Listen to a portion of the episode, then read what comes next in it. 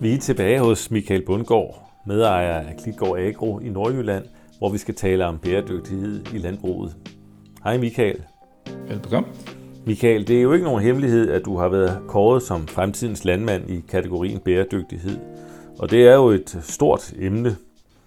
Øh, I den første episode snakkede vi om, hvordan du bruger det verdensomspændende dyrkningssystem, der hedder Conservation Agriculture – og det er jo nærmest mit indtryk, at du kæler for jorden og passer på den, så den bliver bedre og bedre i fremtiden. Vi snakkede også om, at der er flere bundlinjer, når man taler bæredygtighed. Den sociale, den miljømæssige og den økonomiske. Lige nu sidder vi her i spisesalen på Klitgård, og lige uden for de store vinduer har du lidt af det hele. Der er 2.000 hektar. Der er stalle med tusindvis af grise. Vindmøller og biogasanlæg har du også i baghaven. Og øh, det var sådan set det sidste, vi skulle tage fat på i dag, nemlig hvordan dyrene og biogasanlæggene spiller ind på Klitgårds bæredygtighed. Velkommen til podcast om bæredygtighed i landbruget. Mit navn er Frederik Talbitzer.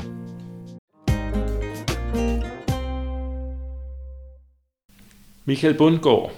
I dag skal vi tale om dyrenes og energiproduktionens rolle i bæredygtigheden. Du har en stor svinebesætning. Hvor stor er svineproduktionen egentlig? Vi starter helt tilbage i et selskab, der hedder Sivagård AS, der har 3500 søer. Og alt, hvad de laver af 7 kilos gris, det aftager vi over i Klikoago. Så Klikoago svineproduktion er en produktion fra, egentlig fra 7 til 100 kilo, hvor det er delt op i en klimastal fra 7 til 30 kilo, og så i, i slagsvinstal rundt på nogle forskellige enheder fra de der par 30 kilo op til slagtefærdig og det er en produktion på cirka 21-2200 om ugen, vi leverer til slagteriet. Og det er jo 100.000 om året? 100, ja, 120. 120. Vi omregner det til kilo, så er det jo 10 millioner kilo kød, vi egentlig producerer, når du tager ud for slagtevægten. Ja. Så det er jo alt, hvad de 3500 søer, de producerer. Og det ligger jo i, i, i, et, i et nærområde, det hele, så det, det er meget, meget lidt transport, vi har med dem. Hvordan spiller den svineproduktion ind på bedriftens øh, miljø- og klimamæssige bæredygtighed? Det kommer an på, hvordan man sætter regnestykket. Det, jeg går meget op i, i, øh, i selve den måde, jeg driver markerne på, det er, at vi, vi, vi er rigtig, rigtig opmærksom på at bruge øh, gylden fra grisene på en, på en meget optimal måde i vores system. Så der, der har den, i, i form af blandavlen, så har den bæredygtighed der. Fordi jeg tror på, at, at det næringsstoffer, vi har til planterne fra husdyrgødning, er bedre, end hvis vi gør det i form af kunstgødning. Og det er egentlig ikke noget, jeg ved noget om. Det er jo sådan ud fra, ud fra den, den mikrobiolelle perspektiv om, hvad der er mest sundt. Om det er gylde eller gødning, når man kigger på jordens mikroorganismer. Det er lidt tilbage til dyrene i jorden, vi snakker om. Hvad er bedst for dem? Du mener, det kan være positivt for jorden, at den får noget gylde at spise øh, med noget kulstof i og noget at leve af der, i stedet for rene næringsstoffer, om jeg så må sige. Som ja, eller kun, ja, man kan sige kunstigt fremstillede næringsstoffer, ja. Hvordan spiller svineproduktion ind på bedriftens økonomiske bæredygtighed? Jamen, der, svineproduktion er der jo stor potentiale. Øh, hvad hedder det? Vi kan se, det er jo det, der, det er jo det, der giver vores største omsætning øh, og også nogle gange den største udfordring.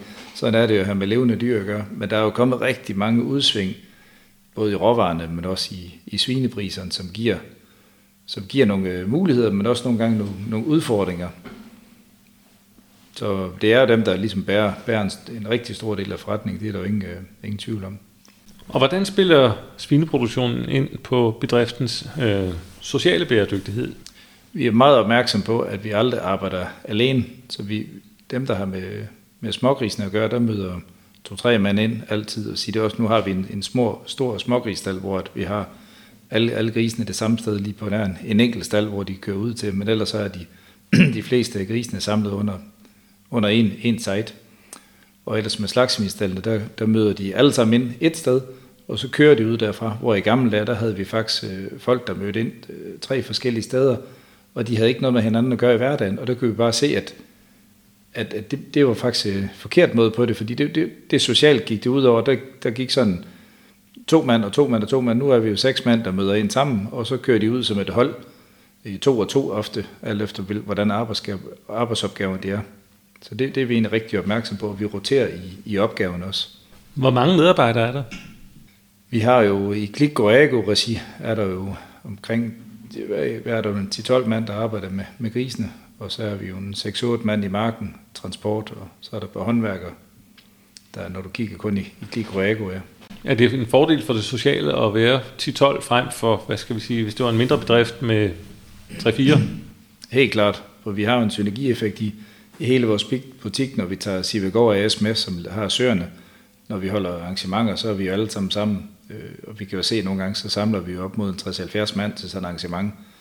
Og det må alt andet lige være noget sjovere at være til sådan et arrangement, end der, hvor der er en ejer og så måske en-to medarbejdere. Øh, og det kan man på en eller anden måde ikke være bekendt at sige, men det er jo det, der gør, at vores virksomhed måske er mere attraktiv end andre. Vi laver egentlig i bund og grund de samme opgaver, men vi har, der var flere om opgaven. så den der, hvor der er en mand, der er syg, jamen, der er altid nogen til at hjælpe og back up, og der er aldrig nogen, der har følelsen af at komme, at komme bagud, eller være klemt i arbejdet. Så, øhm. Jeg ved ikke, om vi om du kom helt øh, tydeligt ind på det med den miljømæssige øh, bæredygtighed og grisene. Altså, det er jo ingen hemmelighed, at grise nogle gange bliver skældt ud for at, at skabe øh, miljøproblemer.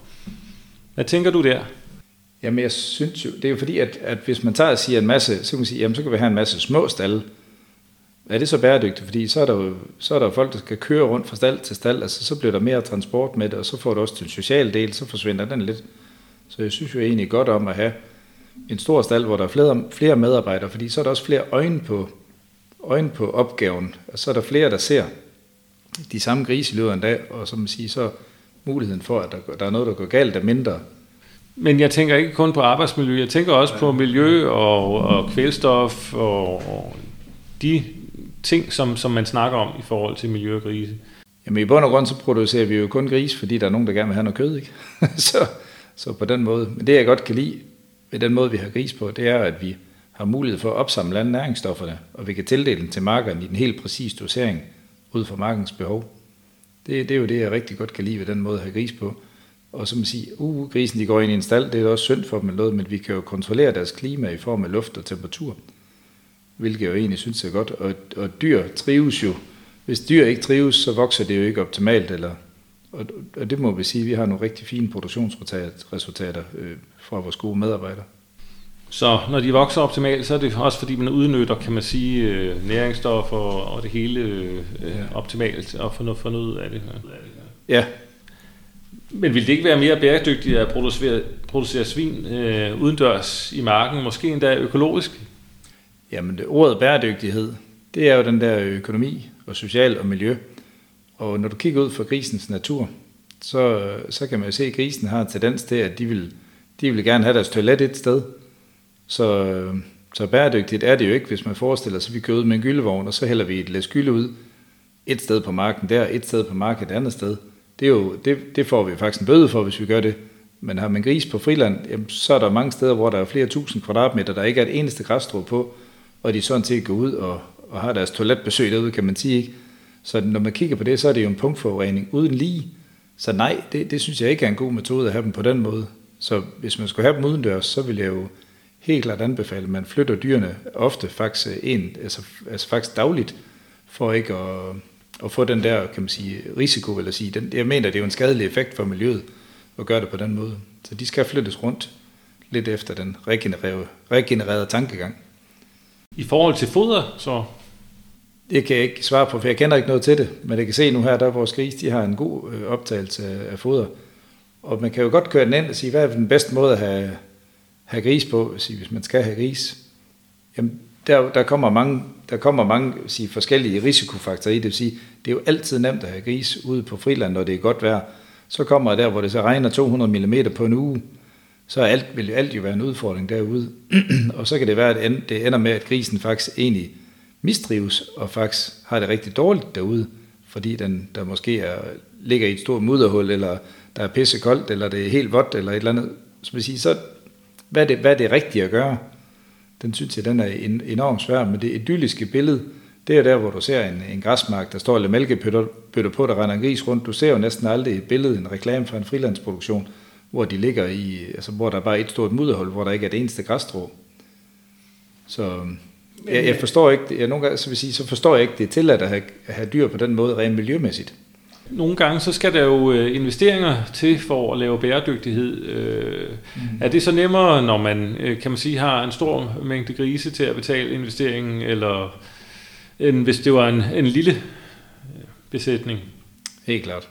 Det er jo igen, når du har flere antal af divider med, så er det også, det er jo det samme med hektarerne, eller en kvadratmeter bygning, men tingene skal jo passe sammen.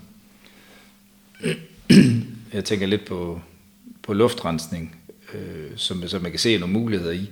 Men nu har vi haft et luftrensningssystem ude i vores stald her, og det kørte i, jamen jeg tror ikke engang et år, så blev vi nødt til at demontere det, for det var simpelthen, øh, det var lavet forkert efter. Det var, også en, en, det var et gammelt system, så vi blev rigtig meget klogere siden, og jeg kan se, at der er nogle systemer nu her.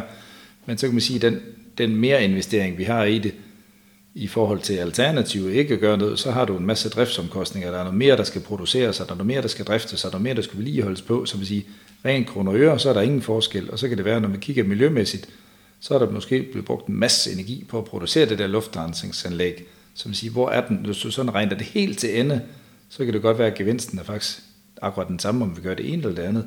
Så for mig, der handler det mange gange om at gøre, gøre ting så, så simpelt som muligt uden noget skal lide last selvfølgelig.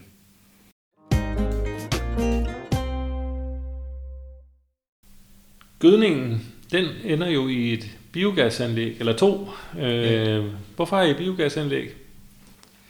Jamen helt tilbage i tidernes morgen, jeg tror det ældste anlæg, det er jo snart øh, er det 16-17 år gammel eller sådan noget der, så vi var, det var min far, der startede med det, der egentlig var, var, var med lidt, ikke som helt de første der, men, men ret, ret tæt på, ja. Så det er jo egentlig tanken om at, om at bruge en, en ressource til at lave noget, noget gas, der så kunne drive en motor, der kan lave strøm og varme. Og det har vi også været ude at se på.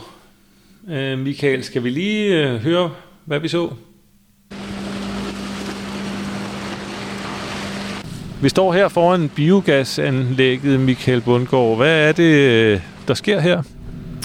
Det, der sker, du ser, der ligger noget materiale her udenfor, der har vi lidt lidt øh, dybstrøelse, som vi får fra en lokal kalkproducent, og så har vi noget, noget halm og græs, der er blandet sammen, hvor vi, lavede en, øh, hvor vi havde en vorbyg med udlæg, hvor vi så høstede kornet så højt, som vi kunne, og snittede halmen. Og så, så efterfølgende, så samlede vi så det græs og halm op sammen, som vi sammenstillerede, vi så bruger i, i, i biogassen. Og egentlig, som altså man siger, det er jo egentlig to affaldsprodukter, vi kigger på her. Og så har vi noget majs, der ligger ved siden af, som er første generationsafgrøden, som egentlig er jo en, en reel fødevare, hvis man kan sige det sådan, ja. Men øh, altså, presset af halmen kommer ind i reaktoren, eller hvad kalder vi det, og, og bliver til gas derinde? Ja, du blander jo en stor mængde af gylde, og gylden er jo egentlig med til at gøre sådan, at de andre ting kan pumpes rundt. Så du får egentlig en, en, en suppe med gylde og græs og dybstrøelse og lidt majs i, øhm, og, og blander det sammen, så du, lige kan, så du lige præcis kan pumpe det rundt. Og så sker, øh, så sker gassen så ind i den beholder, du kan se der, som er oppe på omkring 52 grader, hvor så selve gasproduktionen bliver, bliver blandet, og så kommer videre i de efterlager. Så hvis der er lidt afgasning i de efterlager, så kan vi stadigvæk opsamle gassen der, så der ikke sker en gasproduktion helt ude i, i, i marken, kan man næsten sige her. Og så brænder du gassen af og laver strøm? Ja, så brænder vi, vi ligger for langt væk fra, fra højtryksnettet til, at vi kan lave, lave hvad hedder det, selv naturgas, eller selv biogas selvfølgelig. Og øh, så vi brænder der i en motor, der laver strøm, og så en 6-8 måneder om året, der sælger vi det overskydende varme til den lokale by, og bruger lidt selv til, til den stald, der ligger lige her ved siden af. Så det gør også gavn, kan man sige, eller reducerer energiforbruget på, i svineproduktionen? Ja, altså vi har, jo, vi har jo ingen produktion af varme om sommeren, så om sommeren er det en udfordring ved at have varme i overskud, kan man sige. Så det er det, så det er jo rigtig glædeligt, at vi kan bruge, at den lokale by i samarbejde med Aalborg Kommune, vi har lavet øh, et samarbejde, om de kan aftage det varme derned til. Så det egentlig erstatter noget naturgas, kan man sige. Så får vi varme via biogas i stedet for naturgas. Men I kan lave strøm og varme til jeres egne stalle ud af, kan man sige, dyrenes egne øh, efterladenskaber. Ja, så varmen kan vi lave strøm, sælger vi jo til nettet, for du kan ikke styre den mængde strøm. Det vil sige, at vi sælger jo væsentligt mere strøm, end vi bruger. igennem biogasanlægget og, og vindmøllerne også. Men det med, at vi kan bruge varmen her på ejendommen, synes jeg er en rigtig god løsning. Og vi har i, om sommeren, når vi kører med tørreriet her på Klikgård, der har jeg fået, fået lavet sådan en stor køjler, en radiator, vi så kan køre varmen igennem. Så vi suger luften ind igennem tørreriet, inden det kommer til oliefyret, så kan vi faktisk hæve temperaturen selv med 80 kubikmeter. 80.000 kubikmeter luft i timen kan vi hæve vores lufttemperaturen til 12 grader. Det er faktisk rigtig meget, når man regner det ud sådan i, i kilowatt. Og det er jo en varme, det er jo tid på året, hvor du ellers ikke bruger varme i stallene i nær samme grad som er vinteren, så det er jo, synes jeg, det er bare helt vildt lækkert, at man kan bruge, bruge varme øh, i stedet for noget fossil brændstof. Det lyder smart. Men den gødning, der så er tilbage, når du har lavet biogas, øh, er den øh, lige så god i marken som ellers? Jeg har ikke målt tal nok på det, men som jeg, som jeg lige læser mig, eller hører mig til, og, og jeg ser de resultater der, så har du, så har du bundet noget af det. De flygtige kvælstoffer, de er ligesom taget i, i biogasprocessen her. Og så kan vi se på, vi bruger noget dybstrøelse og noget, så vi har lidt mere organisk materiale i, i gylden også. Så det vil tilføre marken lidt mere, end, end, det, er, end det almindelige gylde. Så man siger altid, at, at, at biogasgylde er lidt mere værd. Og man kan altid sådan definere gylde på, hvis det sådan har en meget skarp altså lugt.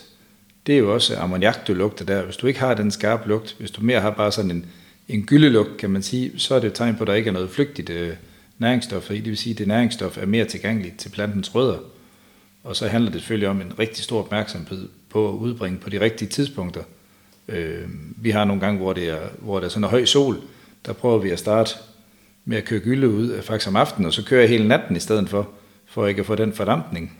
Øh, og det er jo også igen, det der forsvinder, er jo ikke tilgængeligt for, for, for rødderne, og samtidig med, så er det jo også, vi er meget, meget opmærksom på gene for, for dem, der bor i vores lokalområde.